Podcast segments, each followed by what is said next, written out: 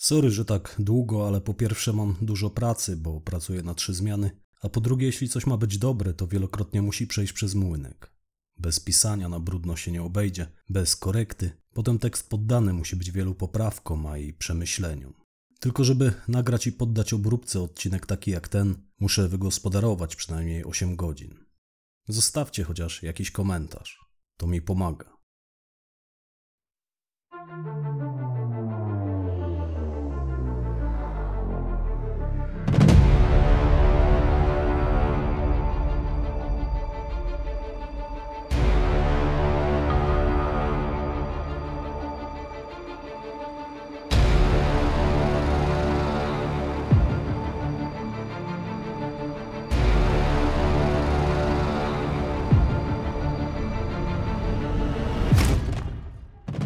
Cześć, witam na moim kanale. Ja mam na imię Piotrek i zapraszam Cię serdecznie do odsłuchania jednego z odcinków mojej audycji pod tytułem Stenogramy zbrodni.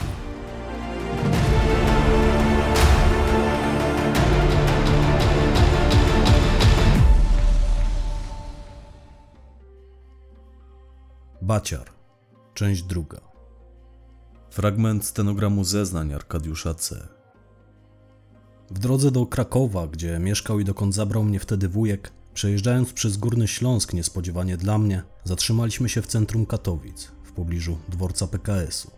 Było już ciemno, jechaliśmy wolno, podróż z Kamiennej Góry zajęła nam sporo czasu.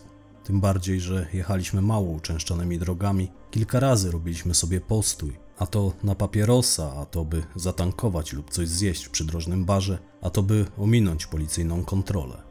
Sporo też wtedy rozmawialiśmy. Wujek wypytywał mnie o ojca, babcię, dom i mamę. Zdawał się być żywo zainteresowany losami naszej rodziny, mimo że jak stwierdził, pierdolnięty brat gówno go obchodził. Swoją opowieść o moim dzieciństwie zakończyłem historią, jak to bawiąc się w sadzie sąsiadów złamałem nogę. Wujek powiedział, dach tej altanki był spróchniały już wtedy, gdy ja bawiłem się tam jako dziecko. A w tych Katowicach wujek zaparkował w ciemnej uliczce i dokądś poszedł. Wysiadając z auta oznajmił: Poczekaj tu na mnie, a jak zobaczysz policję, to schyl głowę. No chyba, że jeszcze dzisiaj chcesz wrócić tam, skąd cię zabrałem. Nie chciałem. Oczywiście, że nie chciałem tam wracać. Chowałem się na widok świateł każdego nadjeżdżającego pojazdu. I wujek dokądś poszedł. Jeszcze gdy odchodził kilka metrów od golfa, przyklęknął i wygrzebał z chodnika kostkę brukową. Zważył ją w dłoni, wyprostował się i poszedł. Nie było go z 10 minut, a potem w świetle ulicznych latarni dostrzegłem go, jak wraca. Okazało się, że przyniósł dwie ogromne porcje lodu w wafelkach. Były tak wielkie, że topniejące lody kładły mu się na dłoniach. Wręczył mi jednego z nich, zasiadł za kierownicą, oblizał ręce, powiedział: Sorry, ale miałem ogromną ochotę na lody. Chodziły za mną od tygodnia. I wyruszyliśmy w dalszą drogę. Po chwili, jadąc wzdłuż stojących przy ulicy budynków, minęliśmy wrosłą w jeden z nich niewielką lodziarnię z wybitą witryną. Szkło z niej leżało rozsypane na chodniku, wokół kręcili się jacyś ludzie. I dotarło do mnie, skąd wujek wytrzasnął te pyszne lody. Zaczęło też powoli do mnie docierać, z człowiekiem jakiego pokroju właściwie mam do czynienia. Pamiętam, że dojadłszy te lody, zebrałem się na odwagę. Wyczekawszy odpowiedni moment, spytałem go: Wujku, czy ty zajmujesz się złymi rzeczami? Dosłownie tak zapytałem, naiwnie jak dziecko. A on, nie odrywając wzroku od rozświetlonej reflektorami golfa i księżycową pełnią drogi, powiedział: Złe rzeczy, dobre, jaka różnica? Każdy chce żyć, tyle że niektórzy bardziej od innych. I nie mów do mnie wujku, dodał po chwili. Mów baciar. Ale ja jakoś nie potrafiłem tak się do niego zwracać. Nie mogłem się przemóc.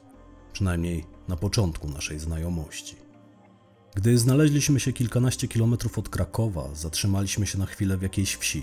Na ścianie znajdującego się tam budynku GS-u zamontowany był automat telefoniczny z plexiglasowym daszkiem, taki na kartę magnetyczną. Żeby z niego zadzwonić, trzeba było mieć kartę, a na niej impulsy. Pani to może nie wiedzieć o co chodzi, młodziutka pani jest, ale kiedyś tak się właśnie dzwoniło. Karty nabywało się w kiosku. O telefonach komórkowych, a tym bardziej o smartfonach, jeszcze nikt wtedy nawet nie marzył aczkolwiek te pierwsze pojawiły się już wkrótce. W tamtych czasach ogólnie niewiele u nas było, aczkolwiek polska gospodarka, która przestała być sterowana centralnie, nabierała już wtedy rozpędu. Chociażby uliczny monitoring był jeszcze prawdziwą rzadkością, dzięki czemu na ulicach można było pozwolić sobie na wiele więcej.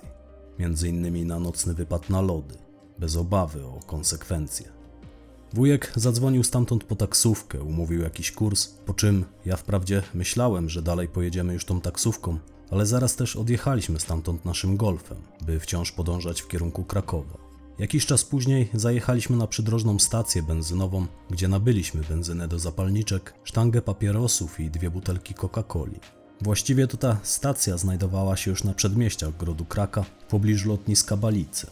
I nasza podróż pięknym jak nowy golfem dobiegła końca właśnie tam, nieopodal tego lotniska w leśnym zagajniku, do którego dotarliśmy jadąc wyboistą polną drogą. Znaleźliśmy się tam około 23 i nigdy nie zapomnę, jak ogromne wrażenie wywarły na mnie światła lądującego w oddali samolotu. Podchodził do lądowania, przelatując tuż nad naszymi głowami. Stojąc tam wtedy w tym zagajniku, czułem się, jakbym przeniósł się do innego świata. Właściwie to, przechodząc tego dnia przez okno sierocińca, teleportowałem się do innego świata. Na własnej skórze poczułem wtedy to, co czuć musiała Alicja z krainy czarów, wchodząc do króliczej nory. Może się pani śmiać, ale ja dosłownie tak to wtedy odbierałem.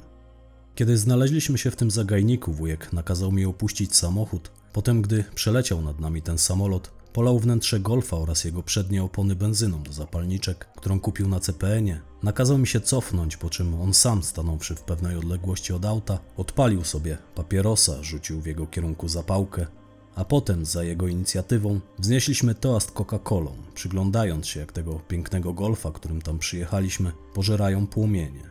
Wujek powiedział wtedy: To kumpla samochód. Zapłacił mi, żebym to zrobił. Dużo ryzykowaliśmy jeżdżąc nim. I nic potem już nie mówił.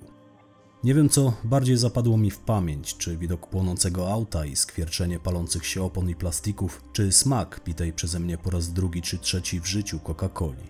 Gdy wyzerowałem swoją butelkę, golf płonął już jak pochodnia. Wtedy wujek powiedział: Chodź, zbieramy się, zaraz powinna przyjechać po nas taryfa. I poszliśmy stamtąd. Znaleźliśmy sobie miejscówkę jakiś kilometr dalej, na skrzyżowaniu dróg polnych z asfaltową, skąd po mniej więcej pół godzinie odebrał nas jakiś samochód. Wujek miał w grodzie Kraka ładnie urządzone trzypokojowe mieszkanie. Mieściło się nieopodal starówki w dość zapyziałej z zewnątrz kamienicy. Wewnątrz była nawet zadbana. Pamiętam, że gdy weszliśmy do tego mieszkania, zobaczyłem sprzęty, o jakich wcześniej tylko marzyłem. Znajdowała się w nim wieża stereofoniczna, odtwarzacz wideo z funkcją nagrywania, dwa telewizory i piloty do nich, toster, frytkownica i pralka z suszarką. Z przyjemnością uczyłem się potem ich obsługi. Mieszkanie było duże i nowocześnie jak na tamte czasy urządzone. Wywarło to na mnie ogromne wrażenie. Jeszcze tamtej nocy poznałem Wesołego, współlokatora wujka, z którym dzielił mieszkanie. Mój wujek miał lat 41, Wesoły był przynajmniej o dekadę od niego starszy i wyglądał nawet starzej niż na swój wiek. Był po przejściach, miał za sobą kilka, jak nie kilkanaście odsiadek. To był faktycznie wesoły człowiek, sporo żartował, miał przyjazne usposobienie, zgrywus z niego był nie do podrobienia. Przyznam, że szybko go polubiłem. Właściwie to od pierwszej chwili. On podał mi wtedy rękę, przedstawił się, powiedział: Miło mi cię poznać, młody człowieku. Aczkolwiek baciar nigdy o tobie nie wspominał. Tu muszę dodać, że kiedy zjawiliśmy się w tym mieszkaniu, trwała w nim impreza. Na stojącym pośrodku obszernego salonu stole stały radzieckie szampany, polska wódka i francuskie koniaki. Pod sufitem błyskała zawieszona tam okrągła srebrna klubowa kula. Z głośników stojącej na podłodze pod oknem stereofonicznej wieży wydobywała się głośna muzyka. Lady Punk, o ile dobrze pamiętam. No i ferajny było tam sporo. Sześciu czy siedmiu mężczyzn i ze dwa razy więcej kobiet, a kilka z nich aż zapiszczało, gdy w mieszkaniu pojawił się baciar.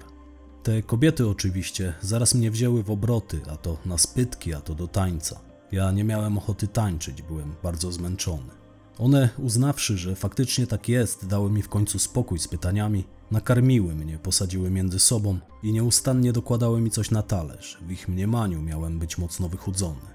Możliwe, że faktycznie tak było. W sierocińcu często nie dojadałem.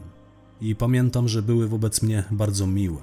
Gdy ktoś przeklął, rugały go, mówiąc: Przestań, nie widzisz, że tu jest małolat? Bo mężczyźni sporo przeklinali. Przez większość czasu posługiwali się językiem, którego ni w ząb wtedy nie rozumiałem. Tak, proszę pani, zaopiekowały się mną te kobiety, aczkolwiek jakoś dużo opieki nie wymagałem. Byłem już nastolatkiem i potrafiłem się oporządzić. Wbrew powszechnie panującej opinii, kurtyzany też miewają silny instynkt rodzicielski, zwłaszcza te, które same mają dzieci. Bo kilka z nich miało dzieci, pokazywały mi wtedy zdjęcia swoich pociech, mówiły: Ja też mam syna w twoim wieku, i tak dalej. A ja nie wiedziałem, co mam odpowiadać. Poddałem się temu wszystkiemu. Mówię, zmęczony byłem, rozemocjonowany, speszony. Marzyłem o tym, by dały mi już spokój i bym mógł wreszcie położyć się spać. Jak na jeden dzień to było dla mnie za dużo wrażeń. Skąd wiedziałem, że to w większości kurtyzany? Wtedy nie wiedziałem. Dotarło to do mnie dopiero później, ale mogłem tak przypuszczać, widząc tuż nad ranem, jak ferajna się zawija, a wujek z dwiema z tych kobiet, obejmując je za biodra, wchodzi do swojego pokoju. Ja wtedy podszedłem do niego, powiedziałem: Wujku, a co ze mną? A ty też kładź się spać, odparł. Ale gdzie? spytałem. Gdzie chcesz, oznajmił, dodając: Z pewnością mnie w stodole. Pamiętam, że byłem tak zmęczony, iż zasnąłem wtedy w ubraniu na podłodze salonu. Jakoś to miejsce najbardziej przypadło mi do gustu. A potem obudziłem się w łóżku u wujka w pokoju. Było tuż przed południem, on sam był już wtedy na nogach. Wraz z wesołym sprzątali po imprezie. Najwidoczniej to oni mnie tam przenieśli. Na tej imprezie i wielu kolejnych poznałem przynajmniej kilkudziesięciu znajomych wujka, których ksywki czy nazwiska mogą się pojawić w mojej dalszej opowieści. Sporo ludzi przewijało się przez to mieszkanie. Wujek z Wesołem mieli wielu znajomych, z wieloma z nich też współpracowali. Lecz nie o każdym warto opowiadać. Jak mawiał mój wujek, znajomy od kieliszka to chuj nieznajomy. W pierwszym miesiącu mojego pomieszkiwania w Krakowie zdaje się, że po namowach kobiet, które często się u nas pojawiały, poszedłem do szkoły pod zmienionym nazwiskiem. To znaczy, mnie do tego namawiać nie musiały, ja chciałem chodzić do szkoły.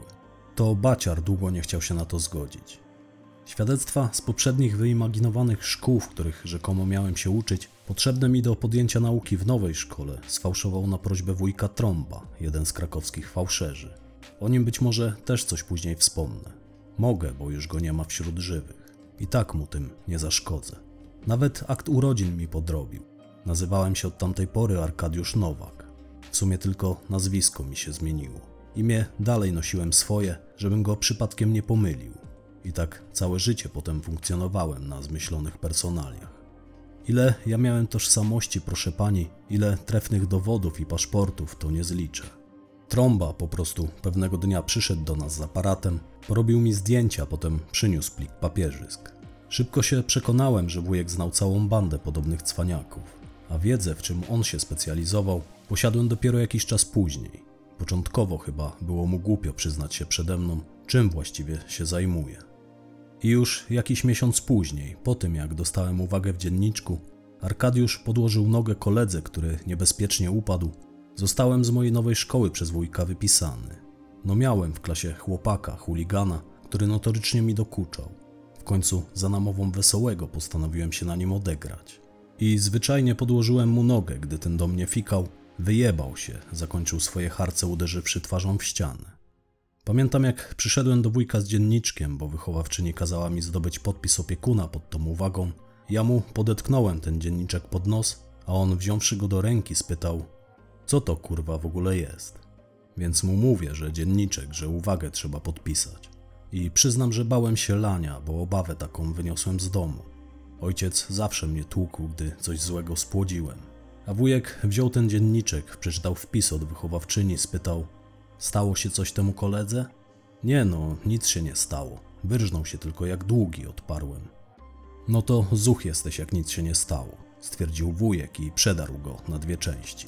A potem wrzucił go do paleniska pieca kaflowego, który stał w rogu salonu. Spytałem go, czemu to zrobił, a on stwierdził, że szkoły mi więcej nie trzeba, bo czytać i pisać przecież już potrafię.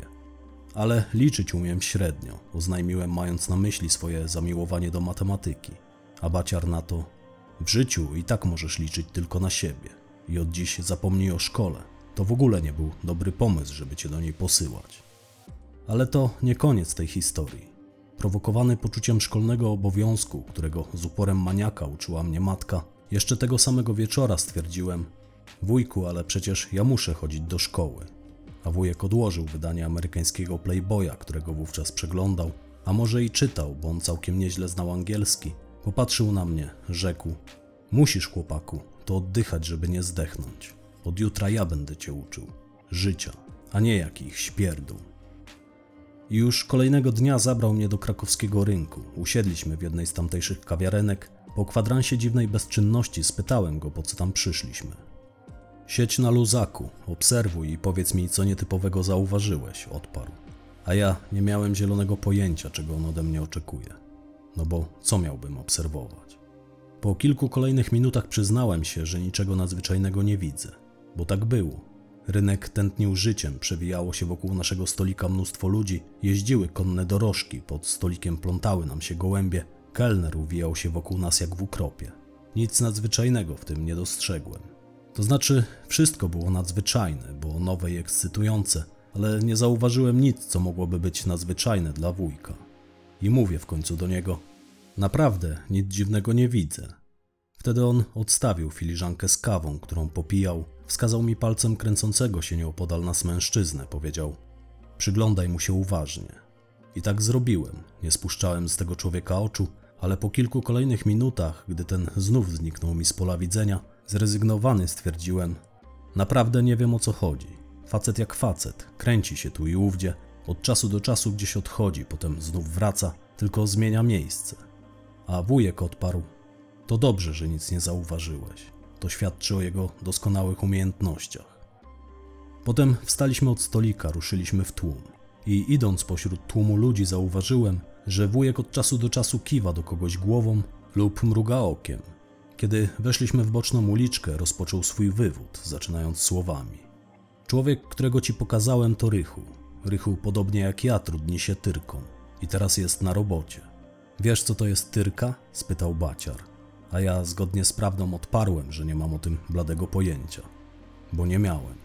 Świat, do którego wszedłem przez okno sierocińca, był zupełnie innym światem niż ten, który do tamtej pory znałem, a świat wujka już w ogóle był światem, w którym funkcjonuje tylko garstka ludzi.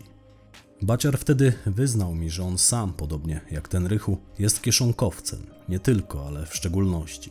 I że kieszonkowiec to doliniarz, zresztą jak większość jego znajomych, a ich praca to tyrka.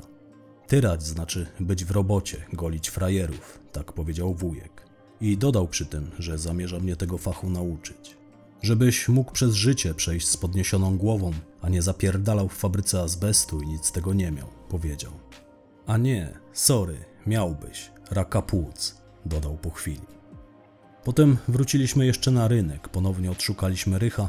Tym razem kręcił się on w tłumie, chodziliśmy za nim i wujek w końcu pokazał mi to, co wcześniej mi umknęło. Rychu wystylizowany był na zagraniczniaka. Nosił na głowie kapelusz, poruszał się o lasce, przystawał w różnych miejscach, obserwował. Zauważywszy nas, zorientowawszy się w jakiś sposób, że mu się przyglądamy, przemknął tylko po nas oczami. Nie pozdrowił wujka, nie kiwnął do niego głową, jak zrobiłby to normalny facet, widząc swojego znajomego. Wujek wyjaśnił mi, że to jest taki układ. Jeśli ktoś tyra, to inni mają mu nie przeszkadzać. Wręcz nie wolno mu przeszkadzać. Doliniarze na robocie udają, że się nie znają, starają się nie wchodzić sobie w paradę, ewentualnie rozmawiają ze sobą tylko w umówionym miejscu i czasie. Tylko i wyłącznie. I potrafią na to miejsce i czas umówić się tak, że osoba postronna nie jest w stanie się w tym zorientować. Nie wolno doliniarzowi na robocie pozdrowić innego doliniarza, to może go spalić, pozdrawiający może mieć ogon, może wkopać znajomych sobie, a wciąż nieznajomych organom ścigania kolegów. Więc nigdy się tego nie robi. Nawet jeśli jemu coś się stanie i on będzie umierał, to masz przejść nad nim i pójść dalej, powiedział wujek. A rękę podasz mu kiedy indziej, albo już nigdy. Taki układ, takie prawo, twarde i bezwzględnie przestrzegane.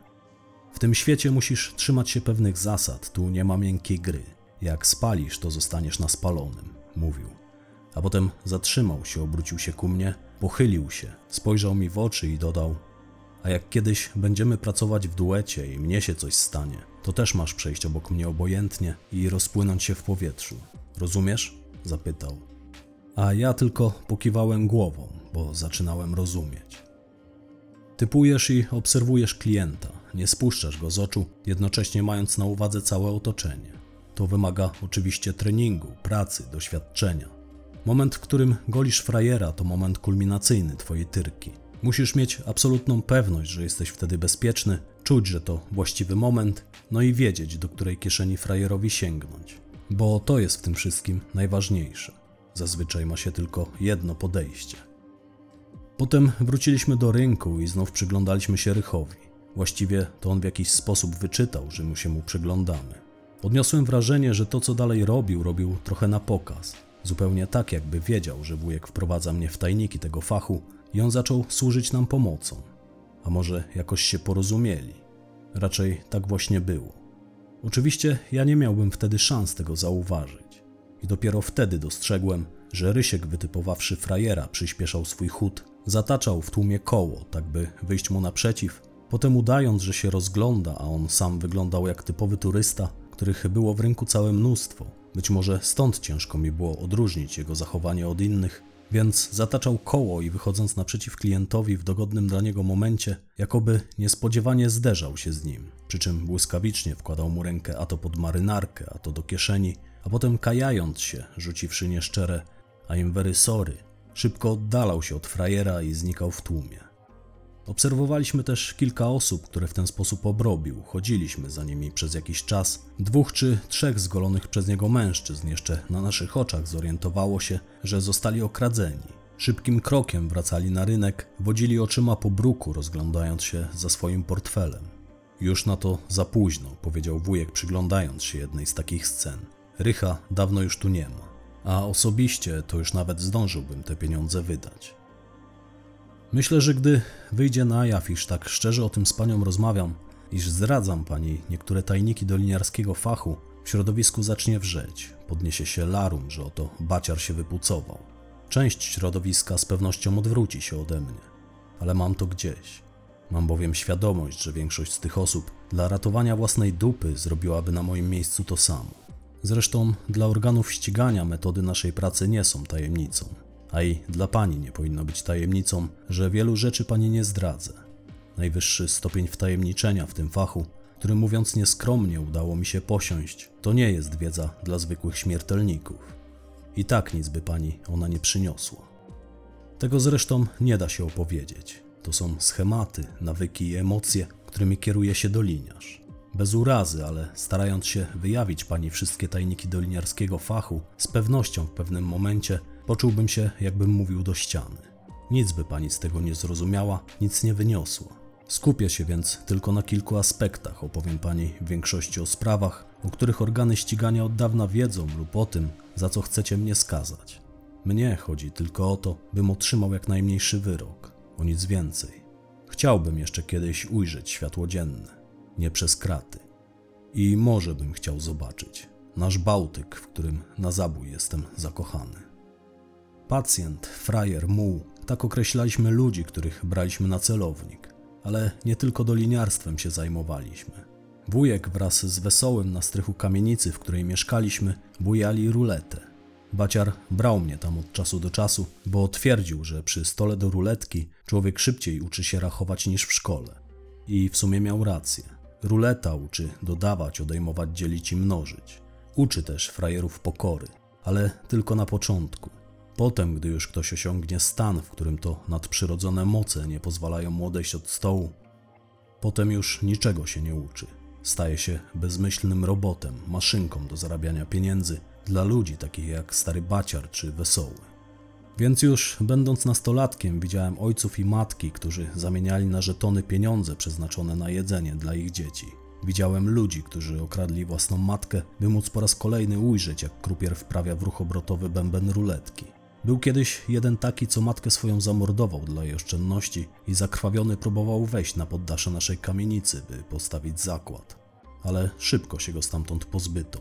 Co więcej, ktoś go zaraz sprzedał na psy. Nawet w tym świecie są pewne granice, aczkolwiek zasada oko za oko, ząb za ząb, niejednokrotnie prowadząca do tragedii, była w tym środowisku świętością. Wujek wprowadzał mnie w tajniki doliniarskiego fachu powoli. Twierdził, że pośpiech temu nie służy, a kiedy uznał, że wiem i potrafię już na tyle dużo, bym mógł zostać jego pomocnikiem, zrobił mi egzamin. Oczywiście, jak wspomniałem przed chwilą, później nie tylko kieszoną czy ruletą się trudniliśmy. Braliśmy czasami co popadło, zwłaszcza jak wujek przegrał swoją forsę w pokera. Często siadał do kart, salon w wynajmowanym przez niego mieszkaniu zamieniał się wtedy w klub karciany. Mężczyźni siedzieli przy okrągłym stoliku, towarzyszące im kobiety donosiły im alkohol i zakąski. Potrafili tak grać przez dobę, czasami nawet dwie, oczywiście z przerwami na sen i seks. Kibicując wtedy wujkowi, patrzyłem jak na stole rosła kubka pieniędzy. Otwierałem okna, by przewietrzyć salon z dymu. Zdarzało się, że trzymałem bank, pilnowałem, by grający nie oszukiwali. Aczkolwiek tego upilnować się nie da. Ta ich gra zazwyczaj polegała właśnie na tym, by wyłonić spośród siebie najlepszego szulera. Nie mieli potem wzajemnych pretensji, bo każdy z nich oszukiwał, aczkolwiek zdarzały się między nimi utarczki słowne czy drobne awantury. Lecz z reguły odbywało się to spokojnie. Grali, pili, kończyli grać, wychodzili w zgodzie. Wujek był uzależniony od hazardu, dużo zarabiał, tyle samo wydawał, czasami coś inwestował, gdy miał pieniądze, kupował ziemię nad morzem. To on zabrał mnie pierwszy raz nad Bałtyk, by wziąć tam udział w przetargu na jakąś działkę. To tam się w naszych pienistych falach zakochałem. Stary baciar żył z dnia na dzień, lubił mamonę, ale nie przydawał jej specjalnego znaczenia. Czasami mógł kąpać się w pieniądzach, a czasami był goły jak święty turecki. On chyba lubił też spłukać się do cna, bo to go napędzało do tyrki. Gdy pozbywał się oszczędności, na kilka dni znów wyruszaliśmy w miasto, goliliśmy frajerów, wracaliśmy potem do siebie, by trochę pożyć. No i na kobiety wujek wydawał sporo pieniędzy. To znaczy, on podobał się kobietom na tyle, że zwykle szły z nim do łóżka, bo chciały, ale on uważał się za dżentelmena. Zawsze sypnął ją jakąś forsą, kupił jakiś prezent, tradycyjnie pocałował na pożegnanie w czoło. Kobiety bez względu na pochodzenie, bo on obracał się nie tylko w środowisku kobiet o lekkich obyczajach, ciągle odgrażał mu się jakiś zazdrosny mąż czy brat, więc w jego towarzystwie wszystkie kobiety czuły się doskonale, zarówno panny, jak i mężatki. Miał do nich szczęście i potrafił się z nimi obchodzić. No i ponoć dobry był w łóżku, takie wieści wiele razy obiły mi się o uszy, ale jak się pewnie pani domyśla, nieszczególnie mnie to interesowało. Był jaki był. Przede wszystkim uważam, że miał w życiu sporo szczęścia, zwłaszcza do kobiet. Ja pod tym względem szczęścia nigdy nie miałem. Każdy mój związek bardzo mnie męczył. Może dlatego, że źle szukałem. Zwykle na dnie rynsztoka. Po prostu tak wyszło. Zresztą ja szukałem sobie partnerek jakoś niespecjalnie. Dzięki umiejętnościom przejętym od wujka też miewałem w życiu sporo forsy. Do tego obracałem się w doborowym towarzystwie i moje sympatie jakoś same na mnie wpadały. Ja ich szukać nie musiałem. Nie miałbym zresztą na to czasu. Zawsze byłem zapracowany. Mówiono też, że przystojny jestem, do ojca podobny i podobam się kobietom. Nie mnie to oceniać. Niech pani sama to zrobi. Większość moich partnerek życiowych wywodziła się ze środowiska kobiet lekkich obyczajów. Ale co z tego, skoro obojgu nam to pasowało, takie trwanie w układzie? Chyba tylko jedną kobietę miałem taką, chyba tylko jedną kobietę miałem pochodzącą z normalnego świata. Świata pełnego codziennych trosk i cierpienia. Ale też mi z nią nie wyszło. Może jeszcze zdobędę się na to, by pani o niej opowiedzieć. No cóż, nie szło mi z kobietami, ale szło mi w doliniarstwie. Zawsze udawało mi się to nadzwyczaj nieźle. Na tyle, że nawet wujek bywał pod wrażeniem. Już nawet podczas szkolenia.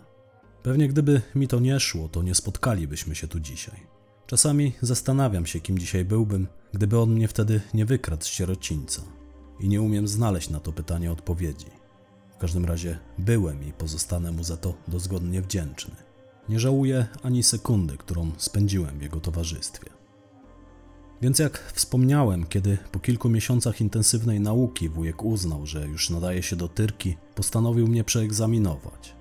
Może się pani śmiać, ale powtórzę: ten świat rządzi się swoimi prawami. Są w tym fachu poszczególne stopnie wtajemniczenia, lecz najwięcej nabiera się wprawy i wiedzy, bazując na własnym doświadczeniu. I baciar uznał w pewnym momencie, że nie ma sensu tej nauki przedłużać. Było to dzień po moich 15 urodzinach. Z nimi też wiąże się kilka ciekawych dla mnie wspomnień. Pamiętam, jak podczas pewnego spotkania towarzyskiego w mieszkaniu wujka, jedna z kobiet, które akurat tam przebywały, spytała mnie o datę urodzin. I jakoś tak się złożyło, że miałem je dzień wcześniej, 23 października, tyle że nikomu o tym nie powiedziałem, co więcej, zwyczajnie o nich zapomniałem. Tak, zapomniałem o swoich urodzinach. Zdarza się, zwłaszcza zapracowanym. Ta kobieta, ona nosiła ksywkę Pamela. Zaraz pobiegła do wujka, szepnęła mu coś na ucho. On przyszedł do mnie, spytał: Co ty, kurwa, młody, czemu nic nie powiedziałeś? Odparłem, że luz, bo jakoś nigdy hucznie urodzin nie obchodziłem i że mi umknęło. A wujek stwierdził: To wytatuuj sobie datę urodzin na ręce, jeśli o nich nie pamiętasz. Urodziny rzecz święta, a dni święte należy święcić. I to on mi wtedy urządził huczne urodziny. Część z osób, które brały wówczas udział w odbywającej się w mieszkaniu imprezie, dokąd się udała, po jakimś czasie wrócili z upominkami. Dostałem też wtedy swój pierwszy złoty łańcuszek od wujka.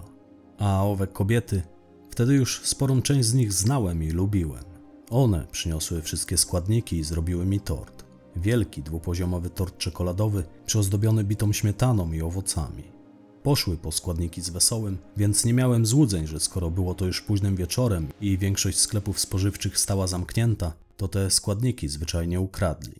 Wesoły nie miał oporów przed włamem.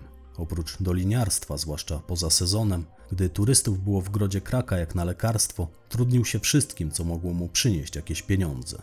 Podobnie zresztą jak wujek i ja. A to tu się włamaliśmy, tam coś sprzątnęliśmy komuś sprzed nosa, tu kogoś oszukaliśmy. Emocji nigdy nam nie brakowało. Dzisiaj wiem, że takie rzeczy robi się nie tylko dla zysku, ale i dla adrenaliny. Sam wesoły kradł też w pociągach, czego wujek robić mi zabronił, bo się tym brzydził. No i wyroki za to były nadzwyczaj wysokie. A i byłbym zapomniał. Wesoły parał się DJ-ką. Miał swoją konsoletę, którą kupił w Niemczech, oczywiście za marki ukradzione niemieckim turystom na płycie krakowskiego rynku. Bujał się z tą konsoletą po klubach, od czasu do czasu coś tam brzdąkał. Bez szału, bo według mnie grał średnio, ale taką miał zajawkę. I ten tort wtedy te kobiety zrobiły, pod przewodnictwem Pameli, którym zajadaliśmy się przez kolejnych kilka dni, aż śmietana się zepsuła i trzeba było go wyrzucić. To był największy tort, jaki w życiu widziałem, smaczny i ładny. One naprawdę znały się na wszystkim. To były świetne babeczki, jak trzeba to do rany przyłóż były, a jak trzeba było, to i dobitki stawały jako pierwsze, a zadrzeć z nimi nie polecam. Czasami tłukły się na imprezach między sobą, drapały się przy tym jak koty. Ta, która przegrała, potem długo leczyła rany. Proszę sobie wyobrazić, co potrafią zrobić ze skórą twarzy centymetrowe paznokcie rozsierdzonej kobiety. Z Pamelą w ogóle łączy mnie sentyment. Przede wszystkim w związku z tym, że gdy już dorosłem i zacząłem interesować się kobietami, poszedłem z nią do łóżka. Była moją pierwszą, czułą i delikatną, cierpliwą nauczycielką była.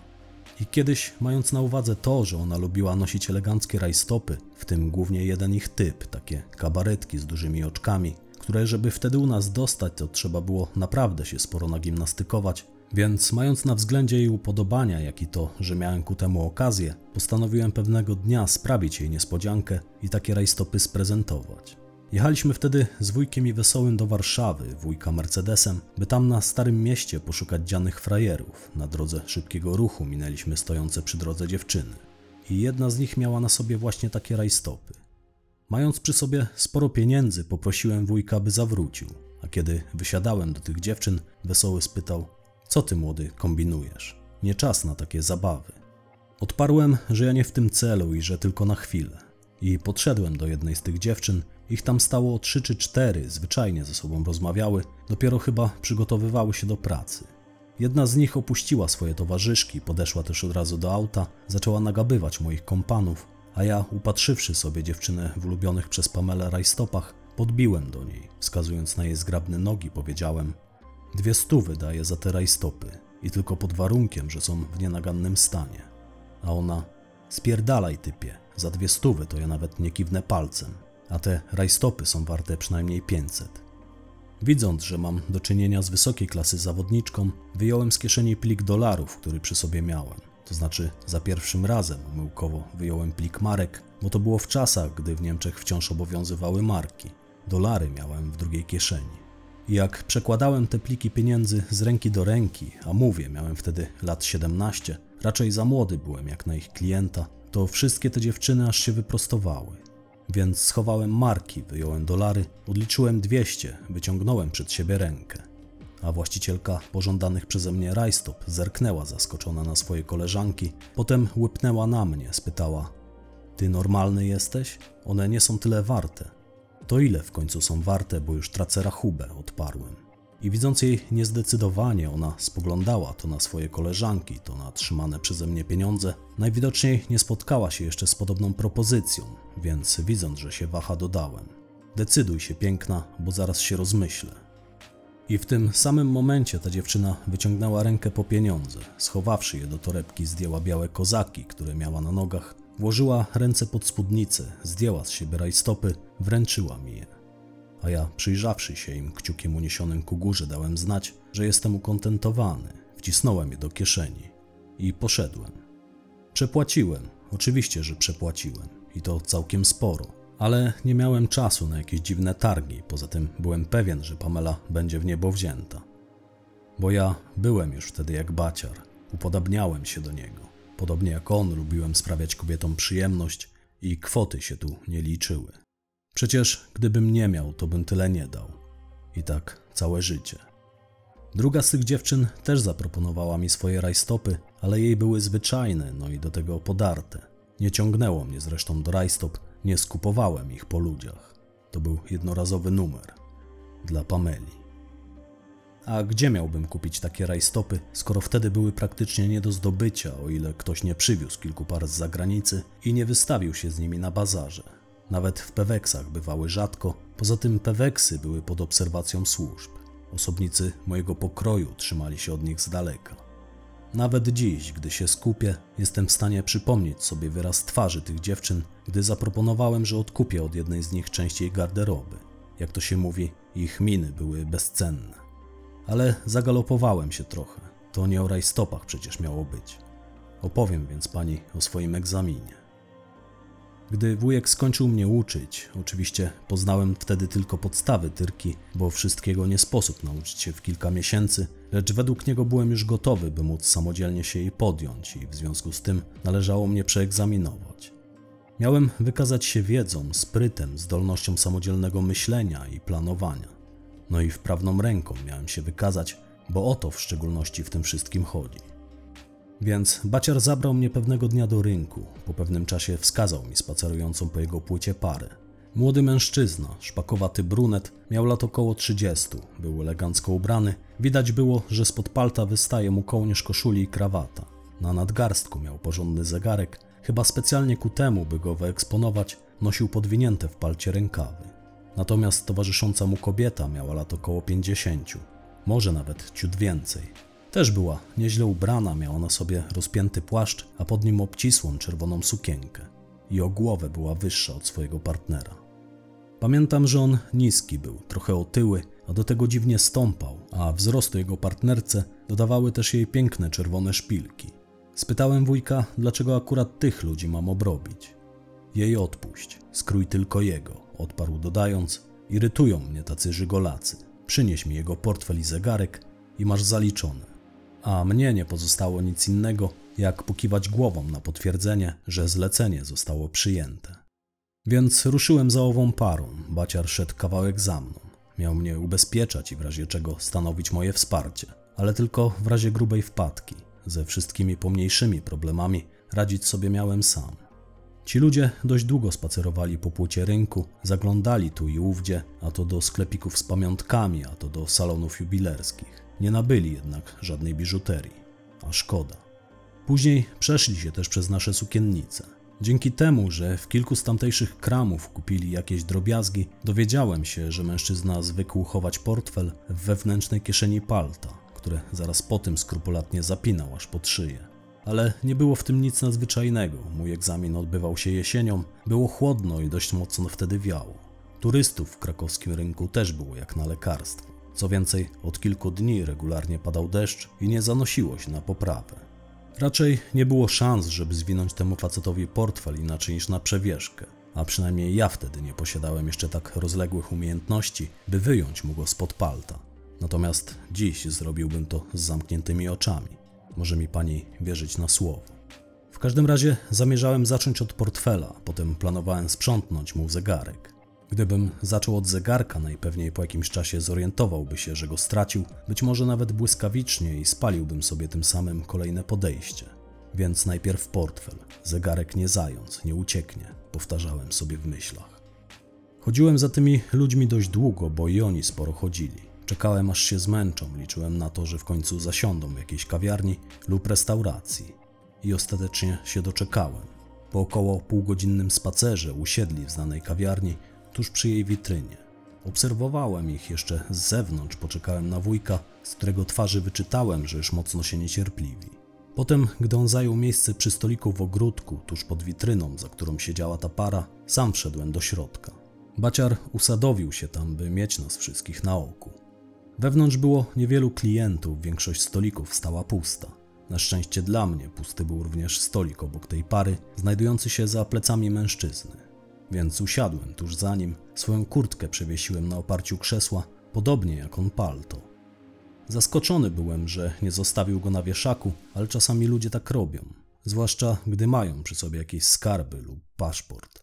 Pamiętam, że długo się wahałem, a gdy wreszcie nadszedł odpowiedni moment, wtedy przybliżyłem się wraz z krzesłem do krzesła, na którym siedział pacjent, wyciągnąłem do tyłu ręce i voilà.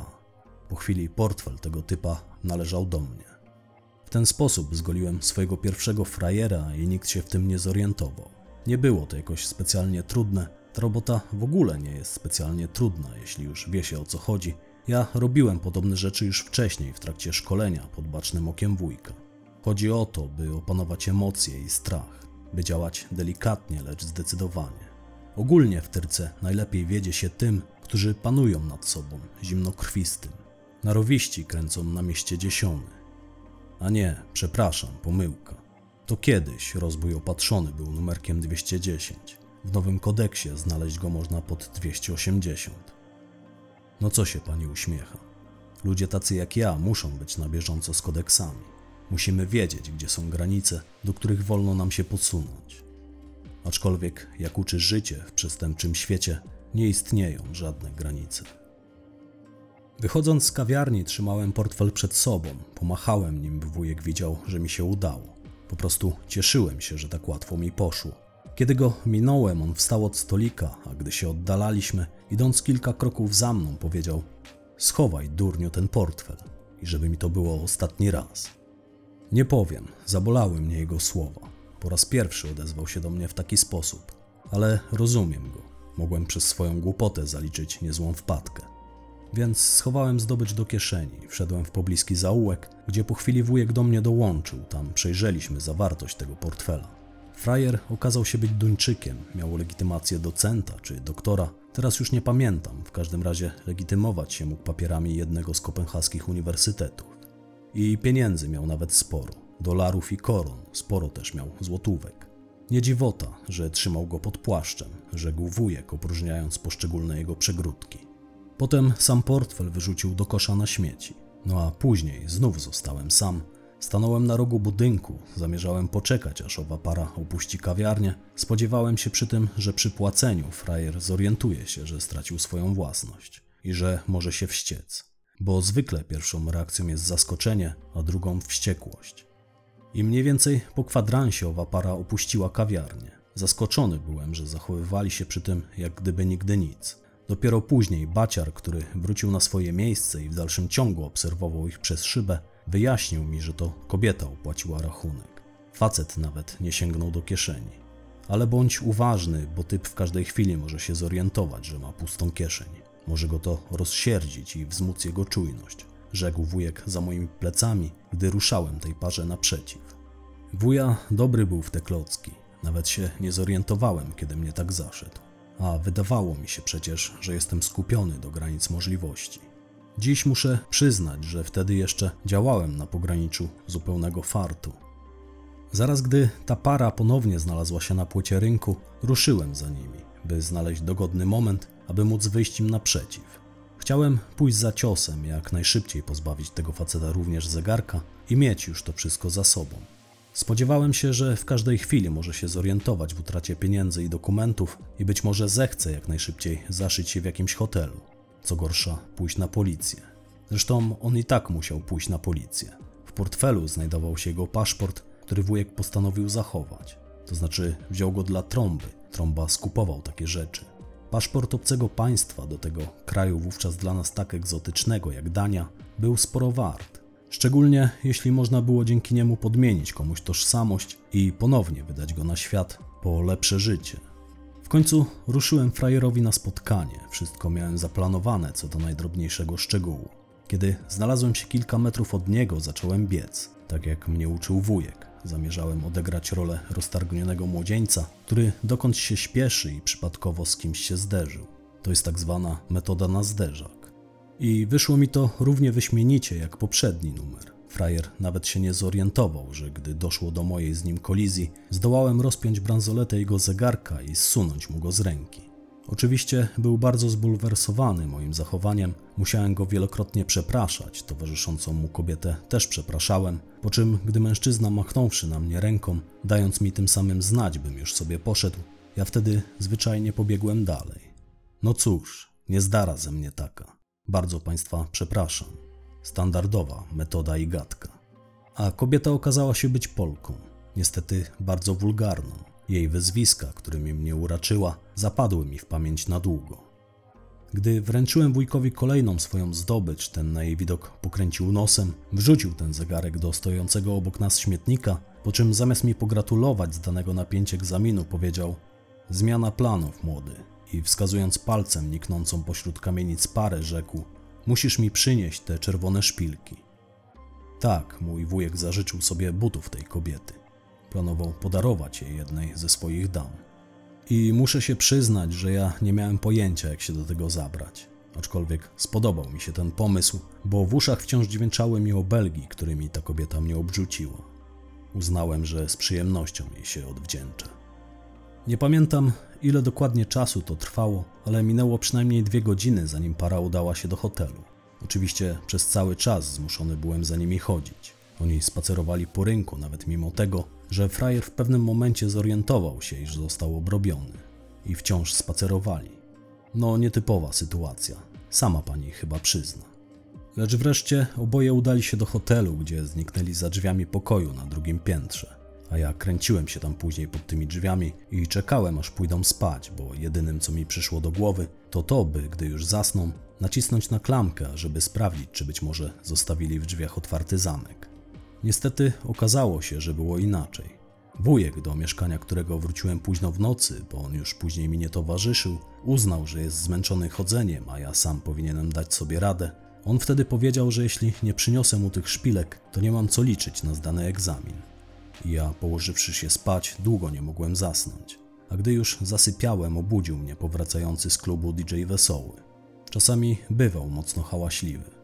Zrzuciłem z siebie kołdrę, poszedłem się czegoś napić i zamieniłem z nim kilka słów. Wujek już wtedy spał w salonie przy włączonym telewizorze.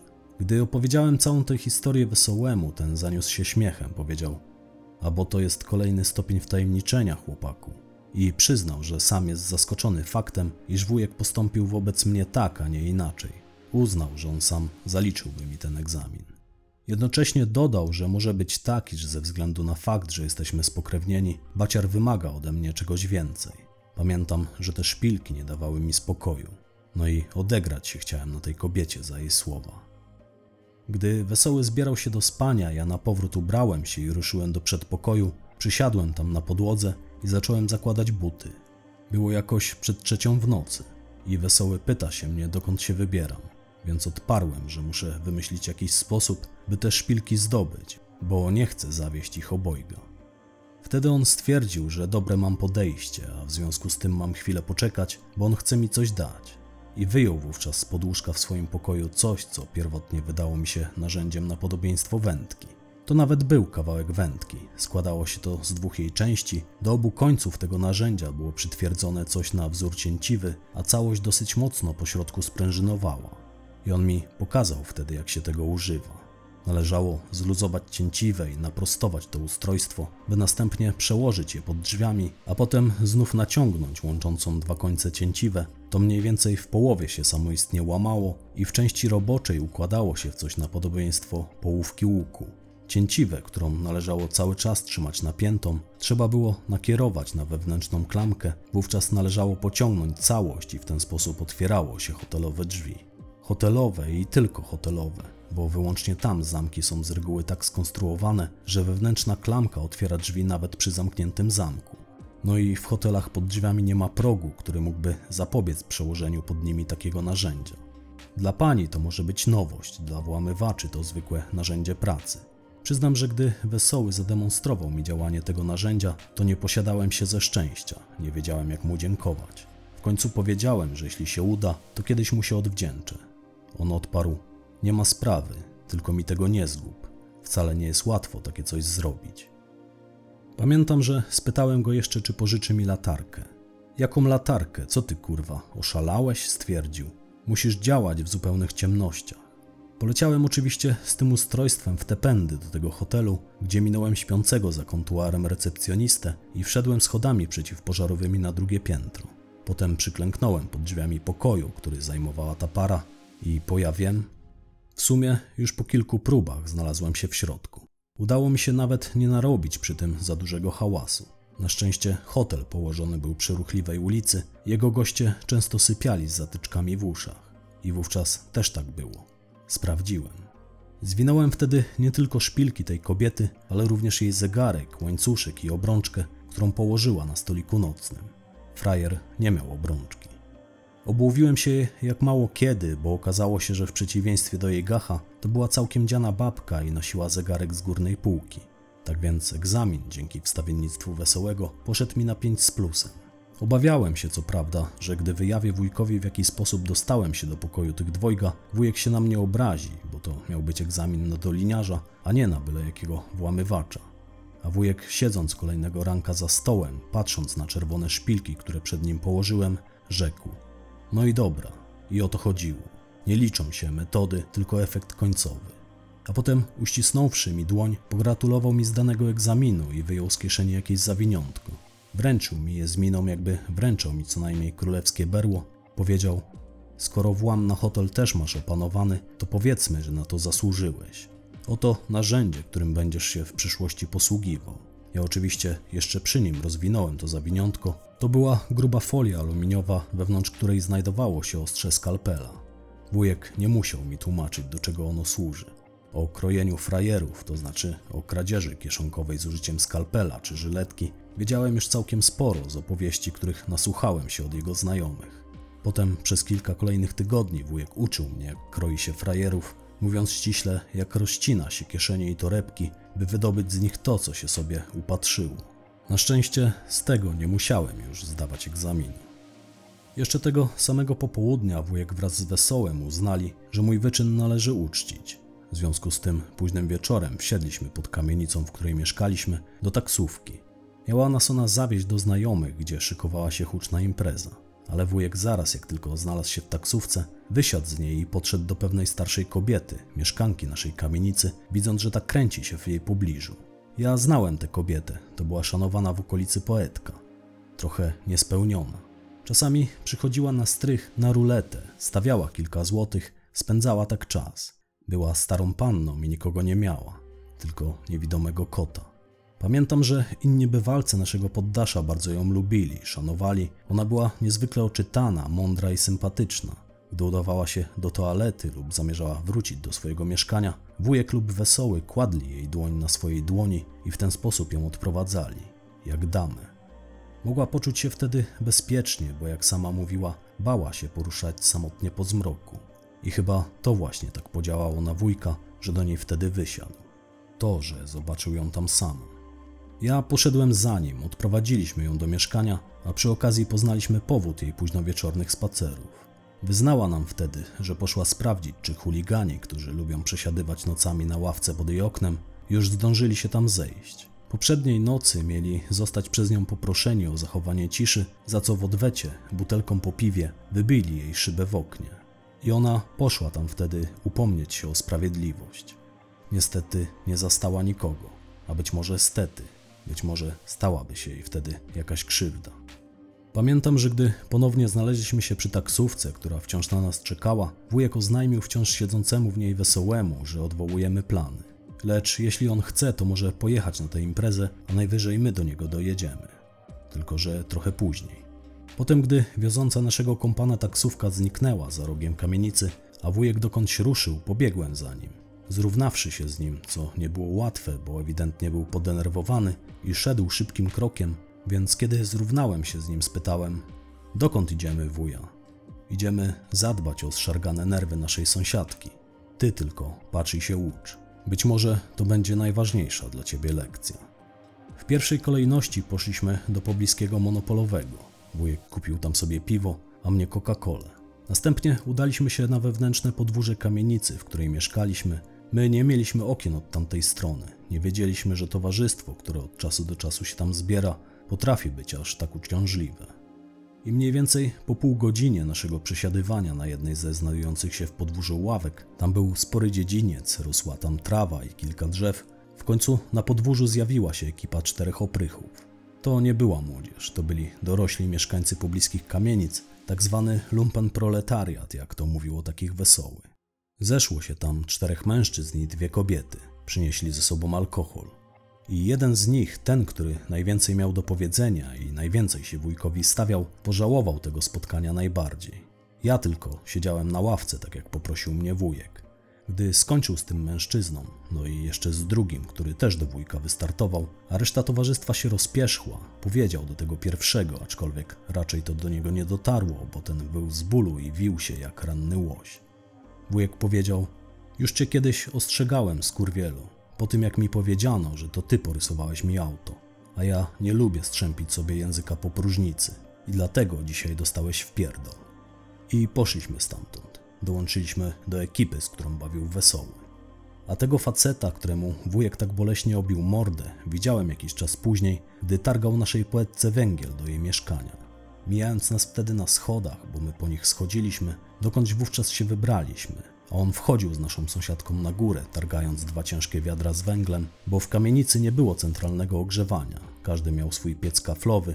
On mijając nas wtedy powiedział: Dzień dobry, panie bacior.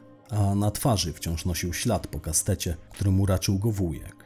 On na mieście słynął z posługiwania się dwoma kastetami naraz.